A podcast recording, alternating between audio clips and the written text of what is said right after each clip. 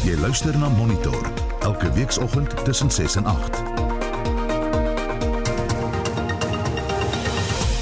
Alfnet oor 7 in monitor vanoggend die brandstofstygings laat mense wonder oor die samestelling van ons petrolprys en of dit billik is dat so groot deel van die prys aan heffings afgestaan moet word. 'n Groot deel van Johannesburg is, is steeds sonder water na opgradering aan Randwater se infrastruktuur reeds voltooi is. I think the biggest message is the replenishment of those reservoirs depends on us. As we speak now, we are pumping full capacity as normal, but the demand is just higher than the supply or relatively equal. En troeteldiere kan ook slagoffers van vetsug wees. Goeiemôre, ek is Anita Visser.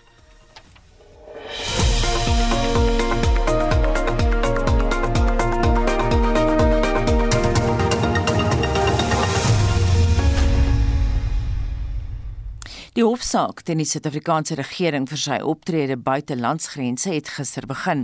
Die saak hou verband met die ontbinding van die SADC-tribunaal tydens sy oud-president Jacob Zuma se administrasie. Die gevolg daarvan was dat verskeie klaers die Suid-Afrikaanse regering vir miljarde rand gedagvaar het. Dit volg op 'n konstitusionele hof uitspraak toe die hof bepaal het dat Suid-Afrika se deelname aan die ontbinding van die SADC-tribunaal ongrondwetlik was. Ons praat nou hieroor met 'n dosent in die internasionale reg aan die Universiteit van Johannesburg, professor Henny Strydom. Goeiemôre Henny. Uh goeiemôre Anita. Ons het nou net 'n baie kort en blits oorsig gegee oor die aanloop daartoe. Mag gee vir ons meer besonderhede asseblief Henny? Ja, die saak hou verband met die afskaffing van die uh, SADC tribunaal. Dit is 'n proses wat ehm um, Mugabe destyds aan die gang gesit het onder die tribunaal uitsprake teen die Zimbabwese regering gemaak het in sake grondonteeneming. En uh hy het daarin geslaag om die leiers van die ander SADC lande onder andere Suid-Afrika te oorreed om uh, die tribunaal af te skaf en uh Die gevolg daarvan was dat daar 'n remedie weggeneem is vir die burgers van SADC lande om dispute na die tribunaal te neem. Onder andere ook uh, beleggingsdispute. Uh en dit is die agtergrond tot hierdie huidige reeks van sake. En soos ek reg opgemerk het, die uitspraak van die Suid-Afrikaanse grondwet oor 'n tydjie gelede uh dat uh, die Suid-Afrikaanse regering se ondersteuning daarvan ongrondwetlik was. En wat dink jy gaan nou gebeur hier nie as jy moet voorspel? Dit is 'n baie interessante saak hierdie want dit handel oor uh of 'n buitelandse optrede van die Suid-Afrikaanse regering wat 'n Suid-Afrikaanse burger benadeel beregbaar is en of daar uh uh verboonskade gelei is en of die hof 'n bevel kan maak teen die Suid-Afrikaanse regering vir hierdie optrede in die buiteland wat uit my oogpunt problematies is is omdat ehm um, die die afskaffing van die tribunaal was nie net 'n Suid-Afrikaanse besluit gewees nie dit was 'n multilaterale proses van die SADC lande en dieselfde proses wat gevolg moet word om die tribunaal wel ingestel weer ingestel te kry. Uh en uh, daar is ek, ek dink daar is 'n verpligting ten minste op die Suid-Afrikaanse owerheid om 'n proses aan die gang te sit, 'n politieke proses en 'n buitelandse proses om uh, ander SADC-lande daartoe te oorweeg om wel die uh, om die tribunaal te laat herleef. Maar dit is 'n ander aangeleentheid. Die eintlike vraag wat jy vra is of daar ehm um, dit uh, vooruitsigte vir uh, hierdie saak is uh, ek is nie so oortuig daarvan nie wat wel die belang van die saak is is omdat dit nou voor die hof is en ons dan 'n uitspraak gaan kry uh, uh, wat duidelikheid oor hierdie saak gaan bring. Dis is een voordeel van die proses. Die tweede voordeel is ek dink dit behoort uh, die Suid-Afrikaanse regering tot ander insigte te bring wat betref sekere optrede wat betref sy buitelandse beleid. Uh en dat daar beter oorleg uh geneem sal word in sulke gevalle om te verhoed of ten minste om 'n oorweging te neem dat uh, dit uh sekere 'n impak kan hê op die op die regte van individue, natuurlik Suid-Afrikaanse burgers veral. Mhm. Mm en nie wanneer dink jy kan ons 'n uitspraak verwag? Ja, ek dink net te gou nie, uh is 'n komplekse saak, so uh, is moeilik om te sê en ek weet ook nie uh jy weet hoeveel uh ander aangeleenthede te sprake kan kom uh in die loop van die verrigting en so uh, ons mag dalk gebruik in hierdie geval. Baie dankie en so sê professor Henny Strydom, hy's 'n dosent in internasionale reg aan die Universiteit van Johannesburg. Instandhoudingswerk aan pype wat water van 'n Vivaldam na Randwater bring is nou voltooi. Randwater kan nou eers met die suiweringsproses begin. Die bestuurder van die Suikerbos waterbehandelingsaanleg, Eddie Singo, sê dit kan moontlik 48 uur neem voor inwoners skoon water sal hê. Vincent Mofokeng het meer. Randwater het die installasie van twee kleppe in die pyplyne suksesvol afgehandel. Singu sê hulle sal water spoedig teen volle kapasiteit aan verbruikers verskaf. Maintenance was completed on Wednesday. Both the valve rigs were installed and were given a go-ahead in terms of quality assessment. And we also charged the line. You'd remember that those pipes are pipes that supply our Fernaching water treatment plant. So we are running at full bore to Fernacheng water treatment plant. It is purifying. It is now back to its 1,200 liter normal supply. So that portion is now done and finalized. As indicated before the work itself, we did say that the, our biggest then challenge becomes post the work itself because we probably would get there when the reservoirs are either depleted or on their way of being depleted. Verskeie reservoirs in Johannesburg is volgens Singu nog redelik leeg weens die instandhoudingswerk en sal tyd neem om vol te tap. So we are now getting a number of reports from municipalities of areas that are affected and those areas are areas that are supplied by in the main two of our reservoirs one near Dale reservoirs. We've got near Dale 1 and 2. And then the other one will be your waterfall as well. So the levels are a little bit low. Oh, they are actually low. Maybe not a little bit. They are very low. We are continuing to push water into those reservoirs. The challenge becomes as the water gets into the reservoirs, that water is consumed. So struggle to fill the, that up. So van wanneer af kan verbruikers weer skoon water verwag? So it depends on you and I as consumers. If we allow the system to fill up without us using water as normal, then that should be quick, depending on you know reservoirs. So the reason why Ronan Plaza the gas is because um, aware that even municipal reservoirs, so they would be able to tell us how and when, but I think the biggest message is the replenishment of those reservoirs depends on us. As we speak now, we are pumping full capacity as normal, but the demand is just higher than the supply or relatively equal. That was Eddie Singo, die bestuurder van die Suikerbos waterbehandelingsaanleg. Ek is Vincent Mufokeng vir SAK nuus. 20 minute na 7. Nou verbruikerspryse sal in November hoër wees en word aangedryf deur stygende brandstofpryse. Statistiek Suid-Afrika sê die verbruikersprysinflasiekoers was 5% in Oktober onveranderd vanaf die September koers. Op 'n maand-tot-maand grondslag het verbruikerspryse met 0,2% gestyg, dieselfde koers as die voor as in die vorige maand liewer, wat ook met markvoorspellings ooreenstem. Intussen het Solidariteit aanbeveel dat die regering die petrolprys heeltemal moet dereguleer. Ons praat nou daaroor met Luiten Beerd van die Outomobiel Assosiasie. Luiten, môre, welkom by Monitor. Thanks, uh, hoe goed om by jou te wees. Ja, dit is 'n lang tyd gewees. Nou kom kom ons ja. begin ja. eers met hoe die petrolprys saamgestel word.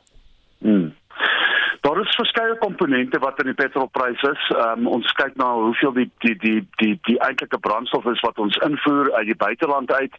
Ehm um, hoeveel dit kos om dit in die land in te bring, die koste daarvan om dit te stoor in die hawe, ehm um, die koste daarvan het, uh, om om van daai plekke af in die binneland in te kry. Daar's baie kostes verwant aan die petrolprys en ons weet natuurlik daar is ehm um, heffings wat ook op die petrolprys gesit is. Ehm um, die, die en en hulle die die twee grootste heffings is so wat 6 R11 sent van elke liter petrol. Ehm um, so daar is verskeie komponente wat die petrolprys saammaak. En die AA sê al vir 'n geruime tydjie, kom ons kyk na al daai komponente en kom ons maak seker hulle is nog steeds almal geldig en nodig. En van toepassing tot 'n Suid-Afrikaanse situasie het ons al daai komponente nog nodig. En indien wel as daai komponente daar is, kom ons maak seker dat die kalkulasie van daai komponente soos hulle vorm deel vorm van die petrolprys korrek is. So kom ons doen 'n audit op daai op daai syfers ook. So dit is min of meer die AA se standpunt. Kom ons maak seker van die komponente en kom ons doen 'n audit van al daai pryse wat hulle wat hulle saamstel. Ek is seker julle kyk ook na die res van die wêreld as dit kom by daai koste. Ehm um, hoe vertoon ons teen soortgelyke lande as dit kom by die regulering van ons petrolprys en die heffings wat wat wat aangesit is?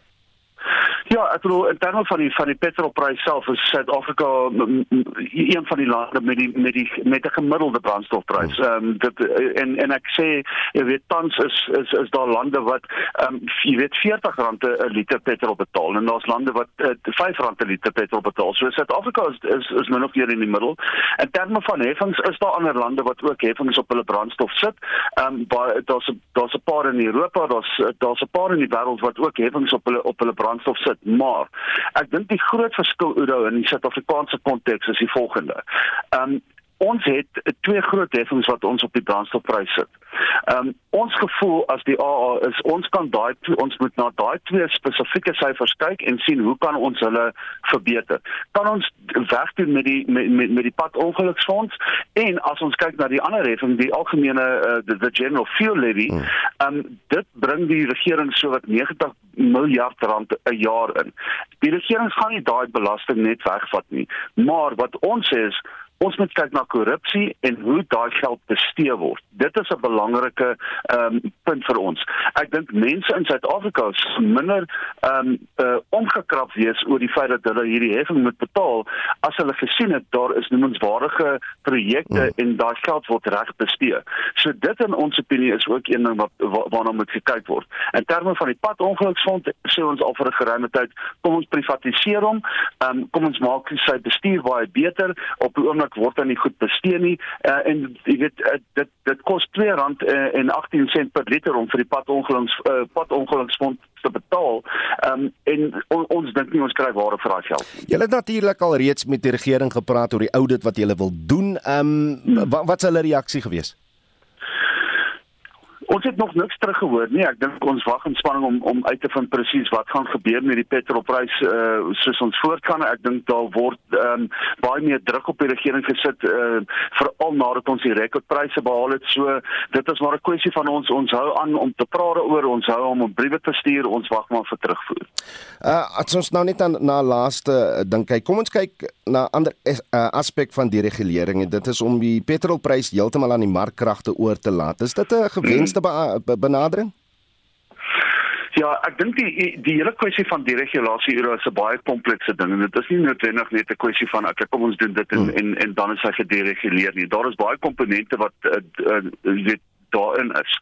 Ehm um, ek dink die AA se standpunt sal wees enige iets wat die verbruiker gaan ehm um, anything that's going to benefit the consumer is ietsie wat ons natuurlik sal uh, voorwees. So uh, aan die einde van die dag wil ons sien dat verbruikers die beste prys betaal vir 'n liter petrol en as dit beteken dat die regul die regulasie die antwoord is dan is dit ietsie waarna ons moet kyk. Ek dink op hierdie stadium is dit vir ons so komplekse ehm um, benadering tot die brandstofprys. Ons moet na al die uh, kante kyk voordat ons 'n besluit kan neem of ons een wy of 'n ander gaan, maar die bottom line is vir ons as dit in die beste belange van die verbruiker is, is dit ietsie wat ons sal ondersteun. En dit was Luitenbeerd van die Automobiel Assosiasie. En ons bly by ekonomiese sake. Die helfte van die land se 26 staatsondernemings het in 2020 verliese getoon. Die joernalis Adrian Creer bestudeer reeds die afgelope 4 jaar die ouditverslae van openbare ondernemings en fokus veral op lig lugrederye. Ek het altyd na die grootste staatsondernemings gekyk. SA Express, SAL, die Suid-Afrikaanse Lugdiens het laas in 2017 'n uh, jaarverslag gepubliseer. Ek is mens nou daai twee lugrederye buite rekening laat, dan het die verliese van almal saam toegeneem tot amper 22 miljard rand in die 2020 boekjaar en dit vergelyk met so 'n verlies van net so onder die 8 miljard rand in 2019 en eintlik 'n wins van 14 13 miljard rand die vorige jaar. Maar die winste moet volgens Kreer met 'n knippie sout geneem word staatsondernemings kry natuurlik groot subsidies van die regering af en dan lyk dit as hulle wins wys maar in die tussentyd dan gaan dit nie so goed daar nie. Die wat wel wins gewys het se winste was heelwat laer. Dit is maar weens die probleme wat alle maatskappye ondervind het hierso in 2020. Twee voorbeelde wat uitstaan is byvoorbeeld die Ontwikkelingsbank van Suid-Afrika wie se wins van 3 miljard rand in 2019 geval het tot 500 miljoen rand. Gewoonlik doen hulle baie goed. Dit is een van die ondernemings wat goed bestuur word. Die bankiers beurs daar, hulle doen goeie werk. Die ander ene wat taamlik 'n groot daling in winste gewys het, is Transnet. Transnet maak baie geld deur mynprodukte en daai klas van goede te vervoer en van daai myne was ook toegewees vir 'n paar maande. So sy wins het geval van 6 miljard in 2019 na net so onder die 4 miljard in 2020. Hy sê van die ander het baie omgeswaai na verlies toe. Een wat ook opval is byvoorbeeld Alexkor die diamantmyn wat 'n verlies van 100 miljoen rand wys teenoor 'n wins van 6 miljoen rand in 2019 en 109 miljoen rand verlies klink nie na baie geld nie, maar vir 'n klein maatskappytjie soos Alexkor en dan veral moet mense jou die vraag vra, behoort die regering regtig 'n diamantmyn te besit en te bestuur? Daar is wel staatsondernemings wat goed bestuur word. Party van hulle het goeie bates. Ek dink byvoorbeeld aan AXA, die Airport Company of South Africa, en hy het in die jaar 2020 'n wins van amper 1.4 miljard gewys. In die vorige jaar was sy wins 500 miljoen, die jaar voor dit so 850 miljoen. So, dit is 'n maatskappy met goeie bates. As mens lughawe toe gaan, kan mens sien dit is amper groot winkelsentrums wat ontwikkel en daai mense wat daardie uh, winkels huur betaal goeie huur. Solank lughawens besig is, maak uh, so maatskappy goeie wins. Die ander een is die Openbare Beleggingskorporasie wat 'n batebestuurder is en al die staatswerkers se pensioen belê. Hulle maak 'n wins van 'n paar honderd miljoen elke jaar. Die SAIK alhoewel hy 'n verlies ly, kan eintlik 'n wins maak. Sandparks, hulle maak ook 'n wins van 'n paar honderd miljoen rand elke jaar. Hulle bestuur hulle vakansieoorde baie goed en hulle doen goeie werk om hulle mandate te vervul. Sasria word ook eintlik goed bestuur ten spyte van daai groot probleme wat ons nog gehad het in KwaZulu-Natal, maar hy maak winste van so tussen 500 en 'n miljard rand per jaar omdat hy goed bestuur word. Kreer sê dis moeilik om te sê watter staatsonderneming die swakste is. Eskom word baie gekritiseer omdat hy sukkel en dat daar korrupsie is en geld gesteel is en dinge nie goed gedoen word nie en kontrakte nie reg uitgevoer word en hy dan ook die grootste verlies gely sê so 20 miljard rand. Nog 'n staatsinstelling wat sleg vertoon is Petro SA wat 'n verlies van amper 5.6 miljard rand gelei het verlede jaar. Dit is ook 'n maatskappy wat die voorsitter en die bestuurende direkteur sê, maar ons sukkel, ons het staat gemaak op 'n lekker goedkoop gasie uit Mossel Bay se baie uit. Daai gas is nou op, so ons kan nie eintlik nuwe produkte kry teen redelike pryse om aan die gang te bly nie. Dit is 'n probleem. Wat met hom gaan gebeur, weet mens nie. Mens kan nie net sê maak jy goed toe nie, daar werk mense daar en baie van hulle lewer tog goeie dienste. Die probleem is baie keer dat dit lyk asof dit net nie goed bestuur word nie. Prasa is ook in die moeilikheid die Passenger Rail Agency of South Africa. Volgens die syfers lyk dit of hy amper 2.3 miljard rand wins gemaak het verlede jaar, maar hy het uh, meer as 6 miljard rand subsidie van die regering gekry. So eintlik het hy nie wins gemaak nie, hy het 'n klomp geld verloor. En weer eens, die bestuur self sê, dis is 'n broken organisation en hulle wil hom graag regkry. Hulle moet hom regkry want hulle moet mense by die werk kry. Hulle sê self dat in 2014 het die ding nog min of meer gewerk. Hulle het meer as 500 kaartjies verkoop. 500 miljoen kaartjies. Passasiers het ongelukkig ander middele van vervoer gekry. Verlede jaar het dit geval na net 125 miljoen toe. Die besigheid het 75% van sy klandisie verloor. Die rede daarvoor is en weer eens die voorsitter sê dit self, ons is onbetroubaar. So iets soos 20% van die treine word bloot net gekanselleer en van die wat loop is amper 40% laat tot 20 en 40 minute laat per gemiddeld. Iemand wat nou van die trein afhanklik is om by die werk te kom, sal vir 4 dae uit die 20 werksdae nie by die werk kan kom nie en hy 16 dae gaan hy 6 dae laat wees. Die bestuur van Praza sê volgens Kreer, vorige bestuurspersoneel het Praza gebreek. Die regering het miljarde bewillig jare terug om reg te kry en daai geld is gemors. Ons almal onthou nog die storie dat hulle treine gekoop het van Spanje af wat nie op ons spore gepas het nie. Wat met die ondernemings gaan gebeur, dit weet mens nie. Maar die tyd is nou eintlik verby. Daar moet nou regtig so dringend dinge gedoen word om die wat sukkel regtig waar reg te kry en die wat nie nodig is nie verliese lê bloot eenvoudig net toe te maak. Maar wanneer is die staatsonderneming nie meer 'n lopende saak nie? Hulle bly lopende sake, dit maak nie saak of hulle totaal bankrot is en of die jaar na jaar verliese ly en later het hy al sy aandeelhouerskapitaal verloor, dan is hy basies bankrot in Suid-Afrika was dit die geval gewees met die Suid-Afrikaanse lugdiens wat vir jare eintlik bankrot was. Op die oomblik die een wat eintlik uitstaan is Denel wat eintlik behoort om wins te maak maar laste oorskry sy bates met miljarde. Adrian Kreer 'n sakejoernalis. Mitsi van der Merwe SAK nuus. Jy luister na Monitor elke weekoggend tussen 6 en 8 Werkers by Massmart wat lede is van die vakbond Sakao gaan vandag met hulle weeklange staking begin. Die minister van Polisie, Bekkie Cele, gaan vandag die kwart, uh, kwartaallikse misdaadstatistiek van 1 Julie tot einde September vanjaar bekend maak. En in ons fliekrubriek, die epiese drama Eternals, skud teaters tans dwars oor Suid-Afrika. Leon van Nerop verduidelik egter later hoekom hy nie so baie daarvan gehou het nie. Alles goeie redes om ingeskakel te bly by Monitor.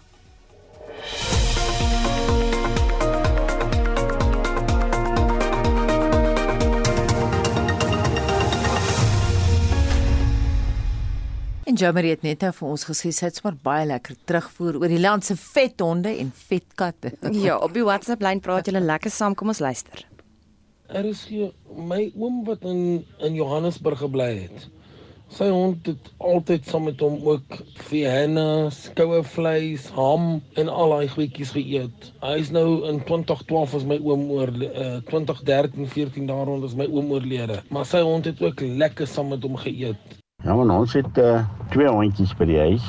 Ons kry die kos by die veearts. Die een hondjie, wel albei is reggemaak, een TV en een rentjie. Die TV eet uh, wel, hulle eet dieselfde kos, maar die seentjie het onsaglik baie gewig aangesit want dit is eintlik 'n dubbelpels hondjie. So nou sê die veearts dit is moontlik 'n uh, skildklierprobleme Hier by my het ek 13 toepoms Pomeranians en 10 katte. Dit was 'n goeie bedoeling reg in die begin 15 jaar terug. Dit word 'n sanctuary vir Pomeranians en die voeding van hierdie diere is baie baie belangrik. En dis maklik om vir mense te sê koop jou kos van die en koop kos van daai. Maar in vandag se lewe is die diere kos so duur dat 'n mens dit amper nie meer kan bekostig nie. So ek weet nie van mense wat geen inkomste verdien of minimale inkomste verdien hoe hulle hulle diere voer sonder om dit eintlik van die tafel af te moet doen nie.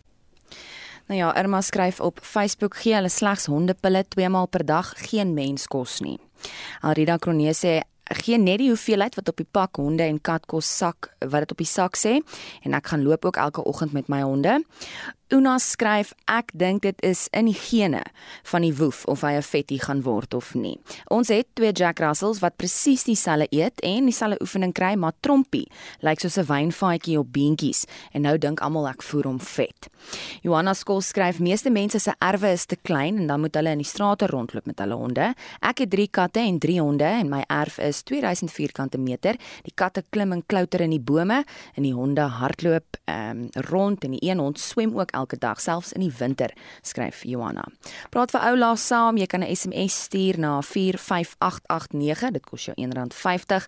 Ons WhatsApp lyn is oop, jy stuur 'n stemnota na 0765366961 en dan kan jy ook jou mening op ons Monitor en Spectrum Facebookblad gaan deel.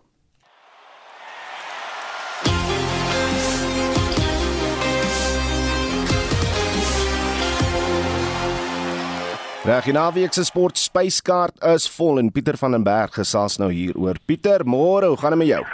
Nee, goed gehaaf, dankie Ewodo. Die Bokke teen Engeland môre sonder Waterboy voel voel bietjie vreemd vir my. Ja, weet jy, eh, ek moet vir jou sê, uh, Engeland is die eindjaar toer, is ons laaste wedstryd en ek moet vir jou sê na die eerste twee oorwinnings, die Bokke teen Wales, ons het daar gewen met 23-18 toe vir Skotland met 30-15 getroof verlede naweek. Nou môre wag Engeland dan op ons. Uh, Ons die eerste keer sien dat die Wêreldbeker eindstryd waar die twee spanne teen mekaar gaan speel en ja, Oudo, kom ons hoop dat Rassie Erasmus se skorsing inspireer die bokke. En natuurlik die bokke het Hanoi Pollard en Kobus Reinagh terug op as, as skakelpaar. Lori Jager hy terug op slot en dan Engeland, hulle sit uh, sonder hulle loskalke ou en Ferrell en Jamie uh, George en dan um, sien Ferrell het sy enkel beseer en uh, dis natuurlik George wat tig beseer het in die Wallabies. Nou Jack Singleton en Harry uh, Ewington, hulle is deur die afrigter Eddie Jones nader getrek. Die bokke het die momentum dink ek Oudo om uh, weer goed te vaar en sal hulle ek wou amper sê uh, nie insink insink kan beleef nie kan hulle werklik as oorwinnaars uit die stryd in die wedstryd begin môre om kwart oor 5 op Twickenham en uh, Andrew Burris van Ierland hy sal die vletjie hanteer en Johan Rademan sal gereeld verslag doen oor gebeure. Kom ons loer na die ander internasionale wedstryde. Skotland speel teen Japan om 3 uur, dan is dit Italië teen Uruguay ook om 3 uur, Georgië en Fiji met kragte om 04:30, dan um, net so in die omgewing van 06:30, uh, Roemenië teen Tonga, Wales speel teen Australië môre aand om 08:30 en uh, die naweek se grootte vir my, die ander grootte is Frankryk teen Nieu-Seeland om 10:00. Sondag is daar een wedstryd Dis Ierland wat teen Argentinië op die veld draf om kwart oor 4 Sondagmiddag. En dan Suid-Afrika se vroue rugby span, hulle speel in naweek in Engeland en uh, dit is teen Engeland se 120 span en ek sien dat daar is 12 nuwelinge in die Suid-Afrikaanse vroue rugby span. Reggie T20 Wêreldbeker, Cricket Wêreldbeker is nou uh, agter die rug. Um, ons fokus nou op internasionale kragmetings. Jy sien die Seeland speel al reeds teen uh, India en dan ook op ons plaaslike vierdagreeks. Ja, jy verwys dan die Seeland en Indië daar die eerste T20 wedstryd is deur Indië met 5 paaltjies gewen met net 2 balle oor. En vandag word die tweede T20 tussen die twee lande gespeel en dan plaaslik in die vierdag reeks is dit divisie 1 waar daar vier wedstryde is wat tans gespeel word. Gister was dag 1 gewees nou in Durban het die Dolphins 197 vir 6 op die tellbord gehad en aan die einde van dag 1. Dan in Kaapstad is dit die Titans 'n uh, massiewe 374 vir 4 teen die Weselike provinsie op die tellbord. Potchefstroom se tellbord lyk so die Warriors staan op 313 vir 6 na dag 1 teen in Northwest en dan in Johannesburg is die Boland uitgehaal vir 170 en die Lions staan op 25 vir 1. Dit beteken die Lions is daar nog 145 lopies agter op die eerste beurt. Die Europese golftoer eindig eh, jaarliks met die wedloop na Dubai. Hoe staan sake na die eerste ronde? Ja, die DP Wêreldkampioenskap in Dubai die top 54 spelers van die seisoen, hulle is daar in aksie en uh, daar is 140 miljoen rand op die spel. Nou Rory McIlroy, hy het die toernooi in 2012 en 2015 gewen en hy het sommer baie vinnig begin gister. Vier voetjies en 'n arend oor die eerste 8 bytjies aangeteken, 'n 65 op die telkaart ingevul en hy staan daar op 705 wat twee houe beter as Tapio Pulkinen, Joachim Bihansen en Suid-Afrikaanse Christian Besaidnout wat almal op 500 is. Ek sien die wedloop na Dubai voorloper Colin Marakawa.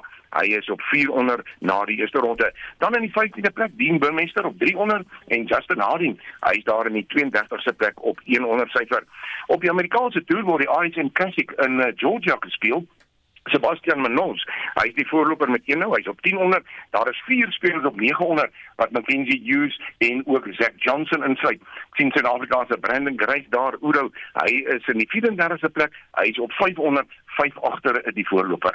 En dan is daar nog net 3 wedrenne oor in die Formule 1 seisoen en die punte leer, uh, hoe, hoe lyk hy op die oomblik?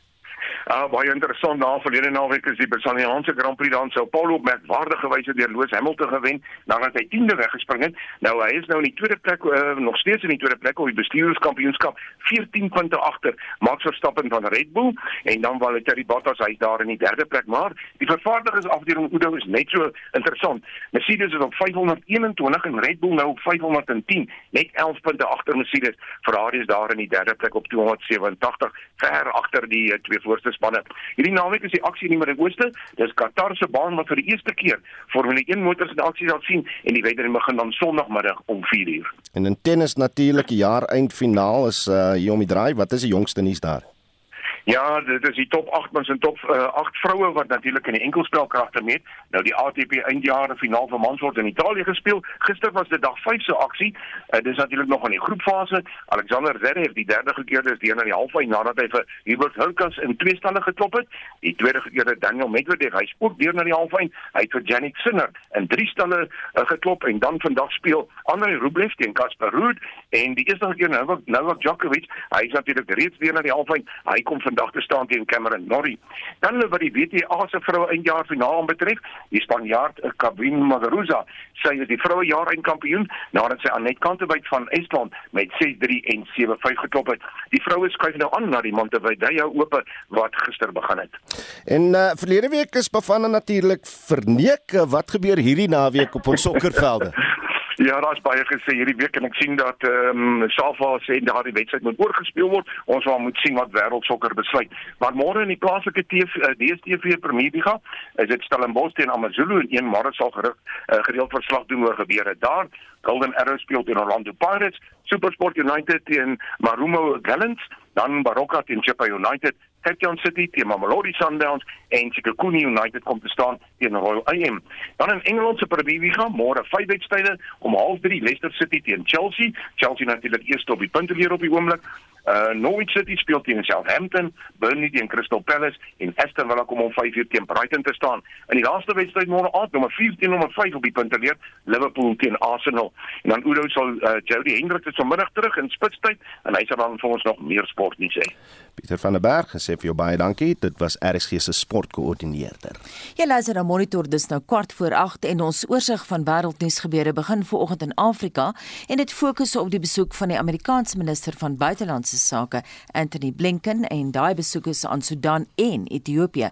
Heinrich het vir ons al die agtergrond daar Heinrich. Aneta goeiemôre. Blinken het die geweld teen pro-demokrasie protesgangers in Sudan veroordeel. Nou dokters daar sê tot 14 mense is hierdie week deur veiligheidsmagte wat onlangs onlangs beheer oor die land geneem het, doodgeskiet. Blinken dring daarop aan dat die afgesette eerste minister, Abdallah Hamdok, weer deur die weermag aan bewind gestel word en dat die burgerlike regeringsoorgangsproses weer op koers moet kom. Hier praat hy met die BBC se senior Afrika korrespondent en Soy. What's most important now and there and the military leadership is hearing this from its people and it's hearing it from the international community is to put that civilian led transition back on the track. The Prime Minister himself is uh, I think, a source of uh, real legitimacy, and uh, he needs to be restored to his uh, position. Uh, and at the same time, releasing people from uh, from detention is is vitally important, and critically, stopping the violence. Nou wat was Blinken se kommentaar oor die situasie in Ethiopië? Dit poort baie gevaarlik daarvoor om te wees eintlik nou, nê? Nee. Ja, maar Amerika het nou planne om die land te straf vir sy menseregte skendings daar, so hy het verduidelik waarom Amerika beplan om die land te verwyder van die lys van lande wat aksiesvrye toegang tot die Amerikaanse mark geniet en hy sê dat dit te doen wat juis mos nou met Ethiopië se kommerwekkende menseregte rekord en veral die bepalinge van Amerika se African Growth and Opportunity Act, um, hier by ons bekend as AGOA. Under the the terms of AGOA itself, a country that is engaged in uh, serious human rights violations can't benefit from AGOA. Uh, and so, as a, as a practical matter, if uh, what's happening in Ethiopia continues, as we've said, by, uh, by January 1st, we will have to, under the terms of the law, uh, take away the benefits that flow from AGOA. En dan die internasionale sportwêreld gons behoorlik oor die verdwyning van die Chinese tennisster Pang Shuai. Dit kom nadat Pang beweer het sy is gedwing om 'n seksuele verhouding met 'n senior Chinese regeringsamptenaar, Zhang Guoli, te hê. Dit is onbekend waar Pang haarself tans bevind. Al meer internasionale sportsterre, nou ook die Amerikaanse tennisster Serena Williams, dring daarom daarop aan dat vasgestel moet word of Pang veilig is. Hier vra 'n joernalis, 'n woordvoerder van die Chinese Ministerie van Buitelandse Sake oor die verdwene tennisster. Can you tell us anything about where Peng Shuai is? Is she in Beijing? Is she free to move around? or is she under the supervision of authorities? Also, is the Foreign Ministry concerned that this case would affect China's image, especially in the run up to the Beijing Winter Olympics? Thank you. Maar die woordvoerder van die Ministerie van Buitelandse Sake het kort afgeantwoord dat hy van die Pang kwessie niks weet nie. 我的答案很简单，这不是外交问题，我也不掌握你提到的有 En dan word daar op uh, die bbc.com gevra na aanleiding van die nuwe weergawe van die Loket Treffer Ghostbusters of Hollywood regisseurs lui raak want hulle beroep hulle die hele tyd net op nostalgie. Dis 'n vraag wat Leon dalk sou kan beantwoord eintlik, maar wat gebeur daar? Ek reken ook dis 'n vraag wat jy net nou of of Udo aan Leon kan stel, um, Anita, maar die vraag is dan nou juis of jy weet, um, of nostalgie uiteindelik moeilikheid kan veroorsaak vir die filmbedryf en of die filmmakers dan nou net te lui sou wees om nuwe fliekmaak eksperimente uit te toets. Nou ons luisteraars sal onthou 'n DA raadslid in Kaapstad Angus McKenzie het nie afgelope verkiesingsveld tog ook die Ghostbusters tema vir stemwerwe ingespan met sy eie who you gonna call vir kissingsvideo. en en dit het vrugte gedra. ja, dit was 'n opsomming van gebeure elders in die wêreld en Heinrich het dit ver oggend vir ons saamgestel. En so van Leon van hierop gepraat, ek verstaan hy is op die telefoon. Leon, goeiemôre.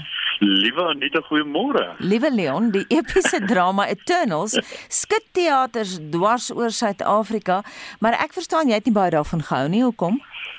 Ehm um, die EPC Eternals wat selfs met fikteater wys van daardie skut van die stoel in 3DX is die jongste Marvel rolprent waarin superhelde wat mooier as 'n sonsondergang is, die planeet na eeue weer van deviants red wat die mense wil vernietig. Maar elke Eternal is so sterk gedefinieer, hulle beklei en sien mekaar meer as die deviants reg en elkeen soek net die kollig.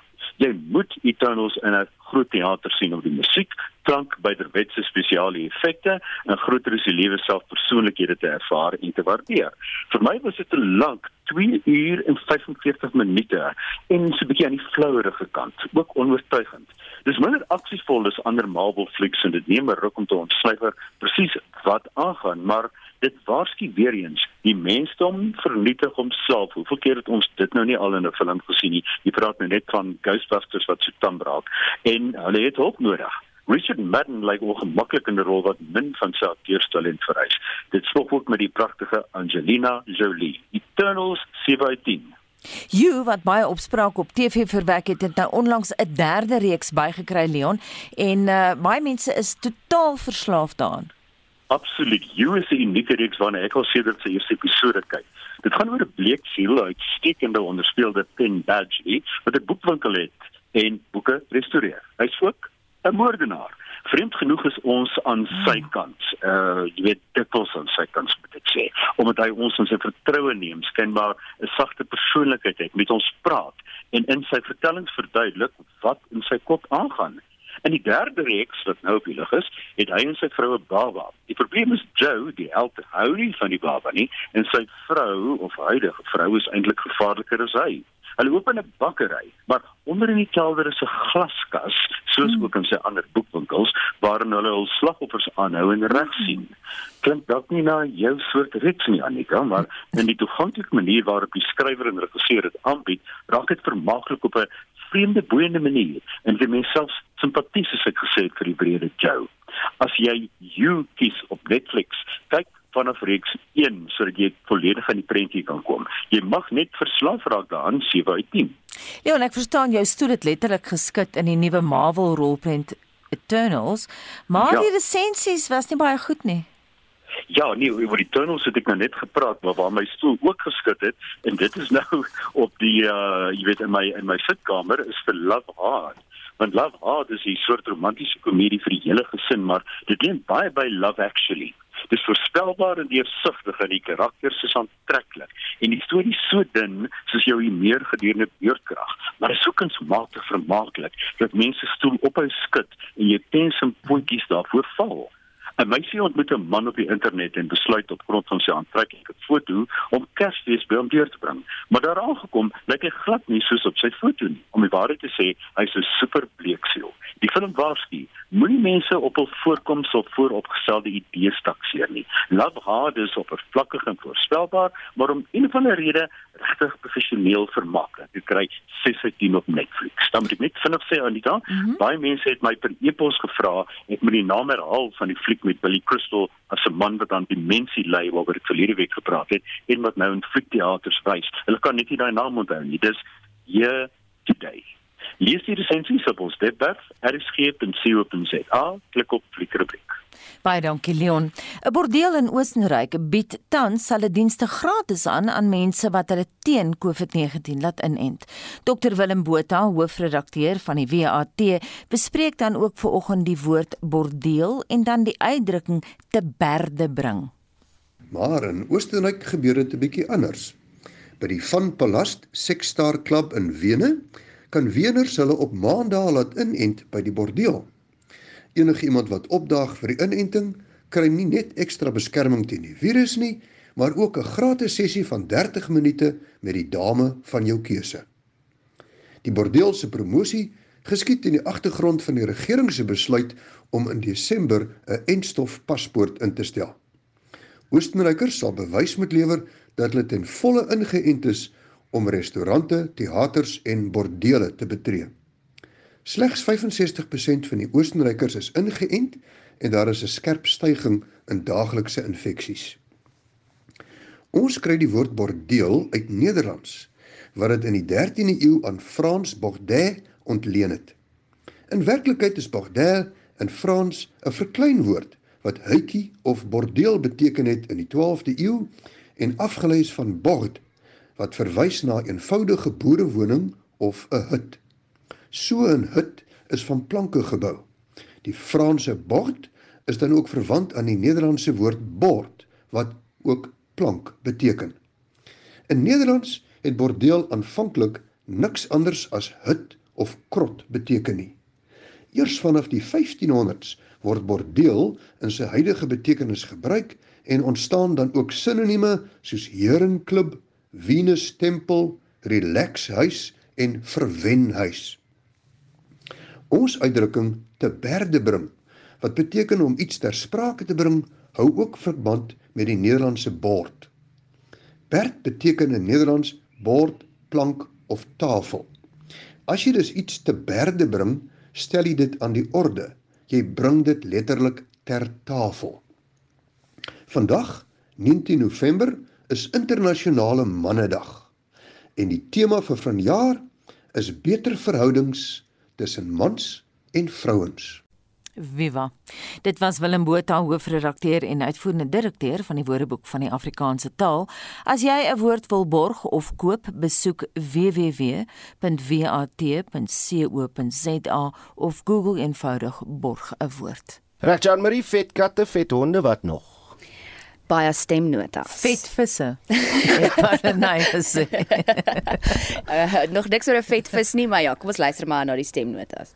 My hond kry hoenderpote en koppe elke dag om te eet en ook 'n goeie maak pellets. En ek dink dit is dis al wat hy nodig het. Oefening kry hy self.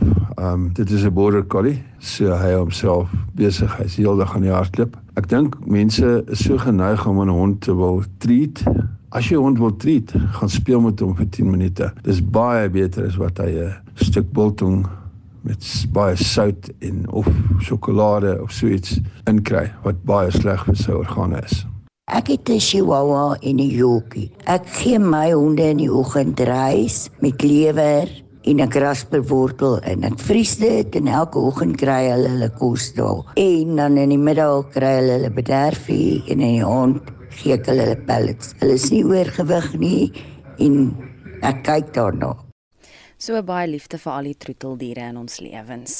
Elf Palmer skryf op die SMS-lyn: Ek dink dis 'n groot nee vir die selfvoerder bakke.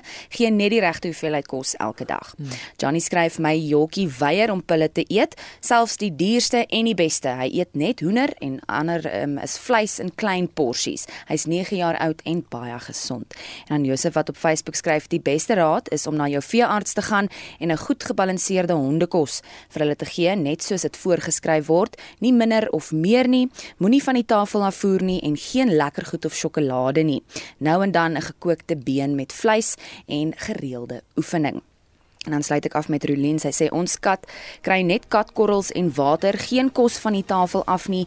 Ehm um, net af en toe 'n teelepel geblikte ertjies of boontjies in tomatiesous of 'n baie klein stukkie kaas met baie liefde en aandag. Dankie Jan Maria, my gunsteling twee kommentaar van die hele week. Ek het 'n Chihuahua en kyk liewer na julle vet kinders. Wat's op vandag se dagboek? Nie vet diere nie. Die polisie minister Bekkie Cele maak vandag die jongste misdaadstatistiek tydens Spectrum bekend. Ons hou op hoogte daarvan. Duisende lede van die vakbond SACAWU beplan om landwyd by Massmart winkels te staak, onder meer by Macro Builders Warehouse en Game en die bokkepakkie Britte môre in Twickenham, Engeland. Ons hoor wat jy kan verwag van daardie kragstryd. Dit is meer op Spectrum vanmiddag tussen 12 en 1. En daarmee groet die Monitor redaksie namens ons uitvoerende regisseur Nicoline de Wee. Die redakteur vanoggend was Hendrik Martin en ons produksieregisseur Johan Pieterse. My naam is Anita Visser en ek is Oudou Karelse.